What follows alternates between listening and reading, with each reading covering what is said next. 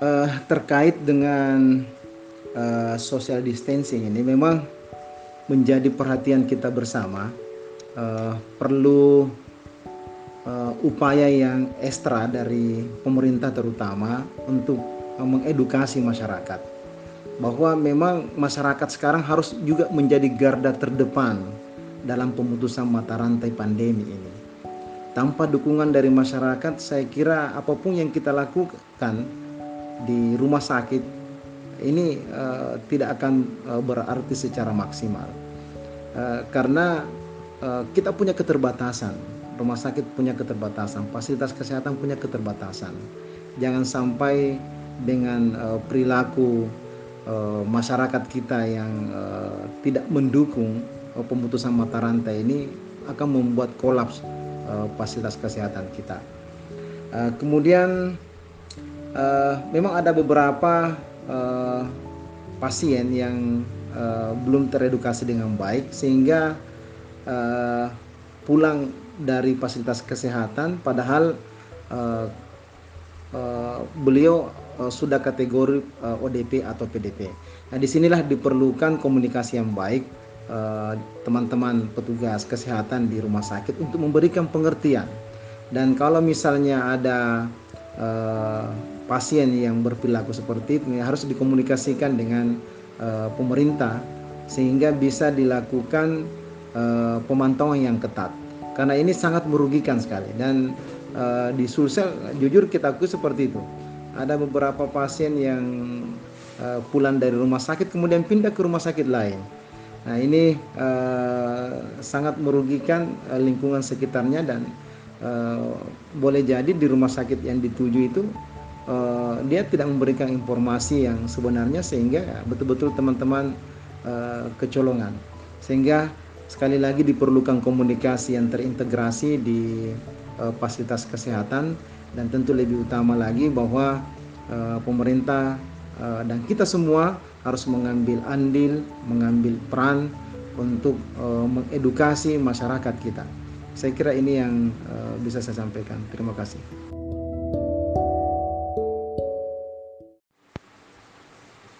Uh, terkait dengan uh, alur untuk eh, pasien-pasien uh, yang ada uh, di daerah untuk teman-teman sekalian.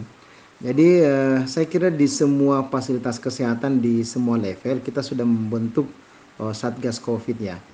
Jadi kalau misalnya uh, kejadian tersebut berada di uh, salah satu uh, perumahan misalnya uh, yang dibawahi oleh puskesmas supaya ini berjenjang, saya kira yang pertama yang harus melakukan uh, pemeriksaan itu adalah tingkat cepat di puskesmas yang membawahi uh, pasien tersebut. Tentu dengan adanya data-data seperti itu, maka eh, teman-teman uh, yang datang melakukan pemeriksaan itu sudah harus melakukan antisipasi terutama pemakaian APD sesuai dengan levelnya. Nah, kemudian setelah dilakukan screening, bahwa memang kondisi pasien ini harus uh, dirawat di rumah sakit rujukan daerah, maka kemudian uh, tim gerak cepat kemudian melakukan rujukan ke rumah sakit rujukan daerah tersebut. Idealnya seperti itu supaya jangan sumber daya manusia kita di rumah sakit kabupaten itu kewalahan untuk melakukan pemeriksaan-pemeriksaan awal uh, yang ada di di luar rumah sakit. Nah, ini yang yang saya pahami sesuai dengan alur uh, yang yang uh, kita tahu bersama. Kira demikian. Uh, bagaimana sikap organisasi profesi terkait dengan kelengkapan APD? Uh, kalau kita mencermati beberapa statement yang kami buat uh, sebagai sikap resmi dari PPNI terkait dengan APD, uh, itu adalah uh, kita betul-betul mendorong uh, pemerintah untuk menyediakan APD. Bahkan uh, di statement saya yang cukup keras saya mengatakan bahwa uh, pandemi ini bukan hal yang emergensi. Maka ketika APD tidak ada, maka tidak menjadi kewajiban uh, seorang uh, tenaga kesehatan untuk melakukan uh, sebuah uh, pelayanan.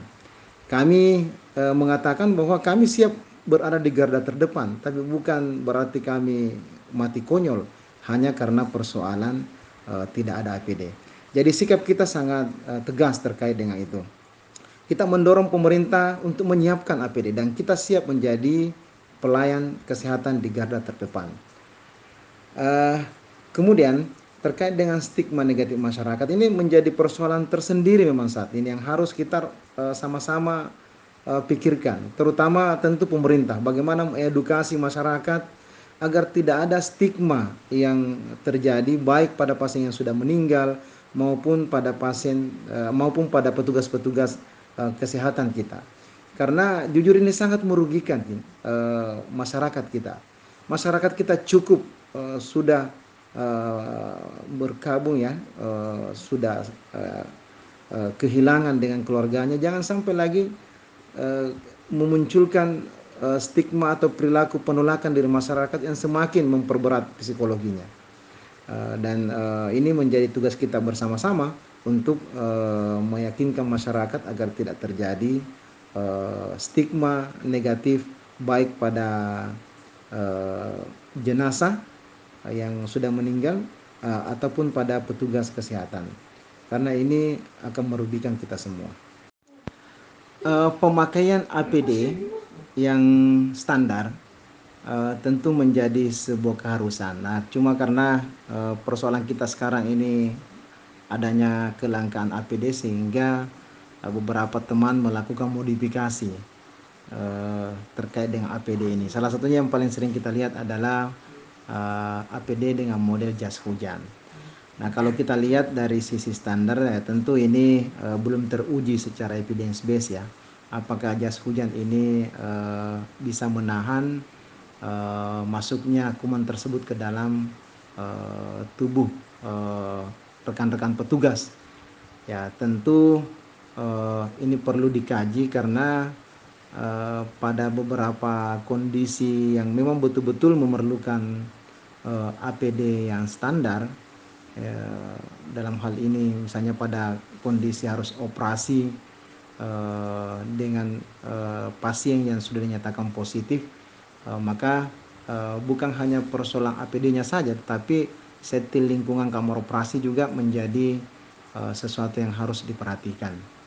Jadi saya kira khusus untuk di ruang isolasi yang menangani langsung pasien COVID-19 atau di ruang-ruang uh, seperti kamar operasi uh, APD ini betul-betul harus yang standar bahkan khusus di kamar operasi saya kira persoalannya bukan hanya persoalan APD-nya tetapi setting ruangan karena idealnya ruangannya itu adalah ruangan yang mempunyai tekanan negatif.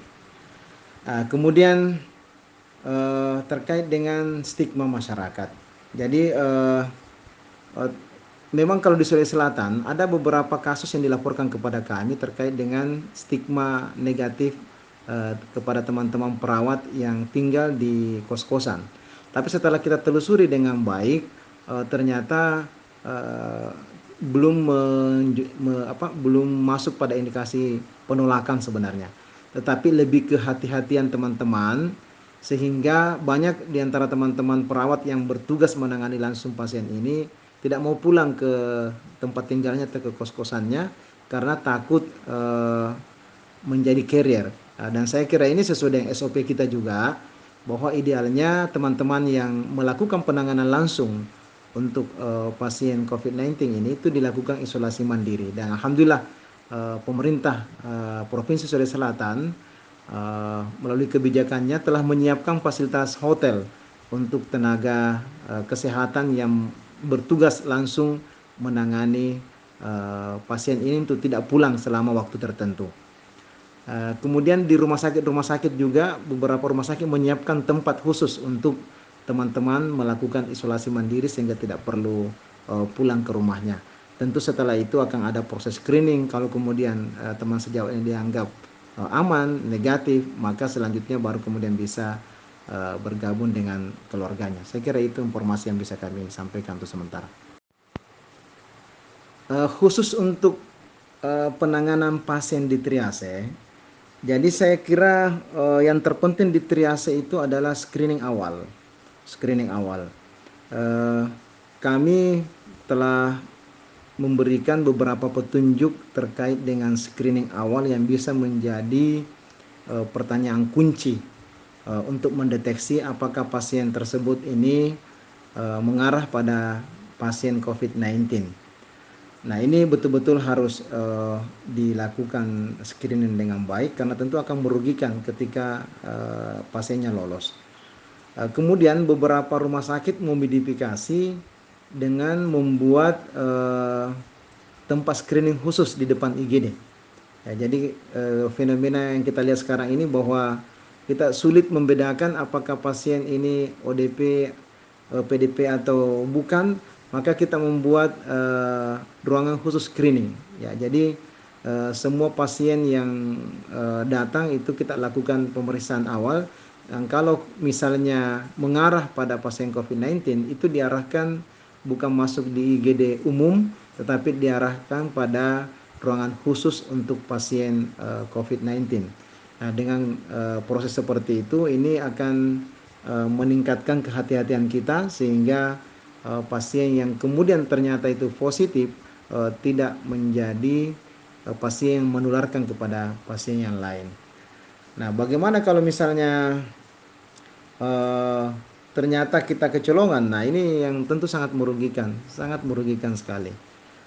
Kalau kemudian ternyata pasien tersebut terakhir adalah positif, maka tentu ada SOP-SOP yang sudah baku yang dikeluarkan oleh WHO bagaimana melakukan tracing, kemudian mengidentifikasi e, teman-teman petugas yang selama ini kontak dengan e, pasien tersebut, ya kemudian melakukan isolasi mandiri, kemudian memastikan lewat pemeriksaan. Uh, terkait dengan tim COVID. Jadi sebenarnya tim COVID itu adalah atau tim Satgas COVID yang dibuat baik pada tingkat rumah sakit maupun pada tingkat uh, organisasi-organisasi profesi itu lebih ke arah uh, sebenarnya manajerial. Bagaimana melakukan organizing uh, penanganan uh, pasien COVID tersebut. Sedangkan uh, penanganan langsung pasien tersebut tentu bertumpu pada Eh, teman-teman uh, yang berada di tempat-tempat yang sudah disiapkan. Jadi misalnya uh, ruang uh, isolasi atau misalnya di IGD, maka ini uh, secara khusus ya melakukan uh, fungsinya seperti uh, fungsi kesehariannya. Jadi uh, tim COVID itu sendiri lebih ke arah sebenarnya manajerial, mengorganising apa kebutuhan uh, dari teman-teman yang ada di ruangan-ruangan, maka tim COVID inilah yang uh, melakukan usaha untuk uh, memenuhi kebutuhan tersebut. Kemudian terkait dengan pelaporan, terkait dengan uh, apa masalah-masalah uh, yang timbul secara administratif, maka uh, ini menjadi tugas dari tim COVID tersebut. Sedangkan di lapangan tentu ya yang bertugas adalah eh, teman-teman langsung yang selama ini sudah ditempatkan di ruangan-ruangan tersebut. Uh, terkait dengan pembekalan, saya kira ini penting sekali. Uh, saya berbicara pengalaman kami di Rumah Sakit Wahidin ya.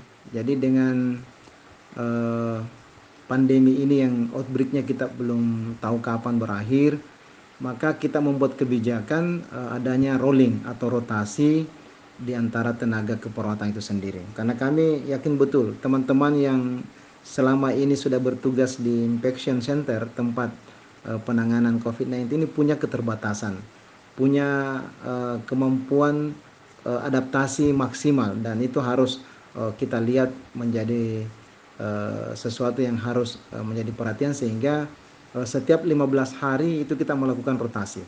Nah, sebelum perawat bertugas ini perlu dipersiapkan dulu, sangat perlu untuk dipersiapkan pemahamannya dan terutama mentalnya. Mental ini yang uh, sangat perlu untuk dipersiapkan. Jadi uh, tim Satgas Covid uh, di rumah sakit itu harus melakukan uh, briefing bahkan kalau perlu bukan hanya sekali dua kali bisa sampai beberapa kali untuk betul-betul mempersiapkan perawat yang akan bertugas di rolling berikutnya siap secara uh, knowledge siap secara skill dan siap secara mental untuk bertugas menjadi uh, perawat COVID-19. Kemudian uh, rekrutmen untuk perawat yang bertugas ini penting juga untuk kita perhatikan karena beberapa kasus teman-teman yang meninggal itu ternyata punya komorbid, uh, jadi punya penyakit apakah dia hipertensi atau ada DM. Nah ini memperberat uh, ketika dia terpapar dengan uh, COVID-19 sehingga diusahakan ya kalau bisa perawat yang betul-betul tidak punya penyakit komorbid ya perawat yang betul-betul sehat. Dan tentu umurnya kalau bisa ya agak muda lah kalau bisa di bawah uh, 40 tahun atau uh, 30 tahun. Ini juga penting karena akan beda ya beda kemampuan adaptasi tubuhnya perawat yang sudah di atas 40 tahun dengan perawat yang masih berada di range eh, 30 tahun. Jadi saya kira ini penting untuk diperhatikan dengan baik. Uh, baik, uh, terkait dengan uh, statement bahwa tidak ada kondisi darurat dalam pandemi, uh, sehingga bila tidak ada APD, uh, maka tentu uh, kami uh, juga akan uh, memberikan sikap tidak melakukan pelayanan. Dan tentu ini bisa menjadi uh, sebuah masalah di lapangan. Maka kami dari PPNI melalui bidang hukum dan pemberdayaan politik sudah menyiapkan kasus eh, menyiapkan lawyer ya. Lawyer untuk khusus mengadvokasi mengawal teman-teman yang mendapat komplain terkait dengan sikap uh, tidak melayani ketika tidak ada APD. Ya, saya tekankan ketika tidak ada APD. Uh, eh, bahwa uh, dari sisi hukum uh, hal ini sangat bisa dipertanggungjawabkan uh, karena sudah menjadi SOP umum bahwa ketika seorang petugas uh, menolong maka yang pertama yang dilakukan adalah melindungi dirinya sendiri sebagai penolong. Apalagi sekali lagi bahwa pandemi ini tidak ada kasus darurat dalam pandemi ini, maka uh, diperlukan APD yang standar untuk melayani pasien COVID-19. Nah, terkait dengan APD, uh, eh, apa langkah dari PPNI terkait dengan pengadaan APD? Jadi, uh, sekali lagi kami tekankan bahwa APD ini menjadi tugas pemerintah. Sehingga langkah utama yang kita buat adalah kami telah bersurat ke Gubernur uh, Sulawesi Selatan kemudian juga ke Ketua DPRD Provinsi Sulawesi Selatan terkait dengan penyediaan APD. Alhamdulillah ini e, suratnya sudah masuk beberapa minggu yang lalu. Kemudian tentu e, kita bukan hanya bertumpu pada pemerintah karena ini sekali lagi e, menjadi tugas kita semua ini. Sehingga kami dari PPNI juga alhamdulillah sebagai stimulus ya stimulus sebagai stimulan itu kita juga melakukan uh, open donasi kemudian uh, melalui keuangan PPNI sendiri kita uh, membeli beberapa set APD yang kemudian kita uh, kita distribusi ke rumah sakit-rumah sakit dan ke 24 DPD kabupaten kota. Memang belum semua DPD kami kirimkan karena untuk mendapatkan APD ini memang lumayan sulit juga. Jadi bukan hanya persoalan uang saja, ada uang tapi belum tentu juga ada barang itu sehingga kami baru bisa menjangkau sekitar uh, uh, 3 DPD. Insya Allah besok ini tim Satgas Provinsi akan mengunjungi uh, sekitar 5-6 kabupaten untuk uh, memberikan bantuan APD dari organisasi profesi. Sekali lagi, tentu bukan untuk mencukupi kebutuhan APD karena kami tahu betul uh, kebutuhan APD di lapangan dan kemampuan organisasi profesi, tapi lebih dari menjadi stimulus bahwa kita organisasi profesi hadir bersama dengan teman-teman untuk uh, menangani masalah ini secara bersama-sama.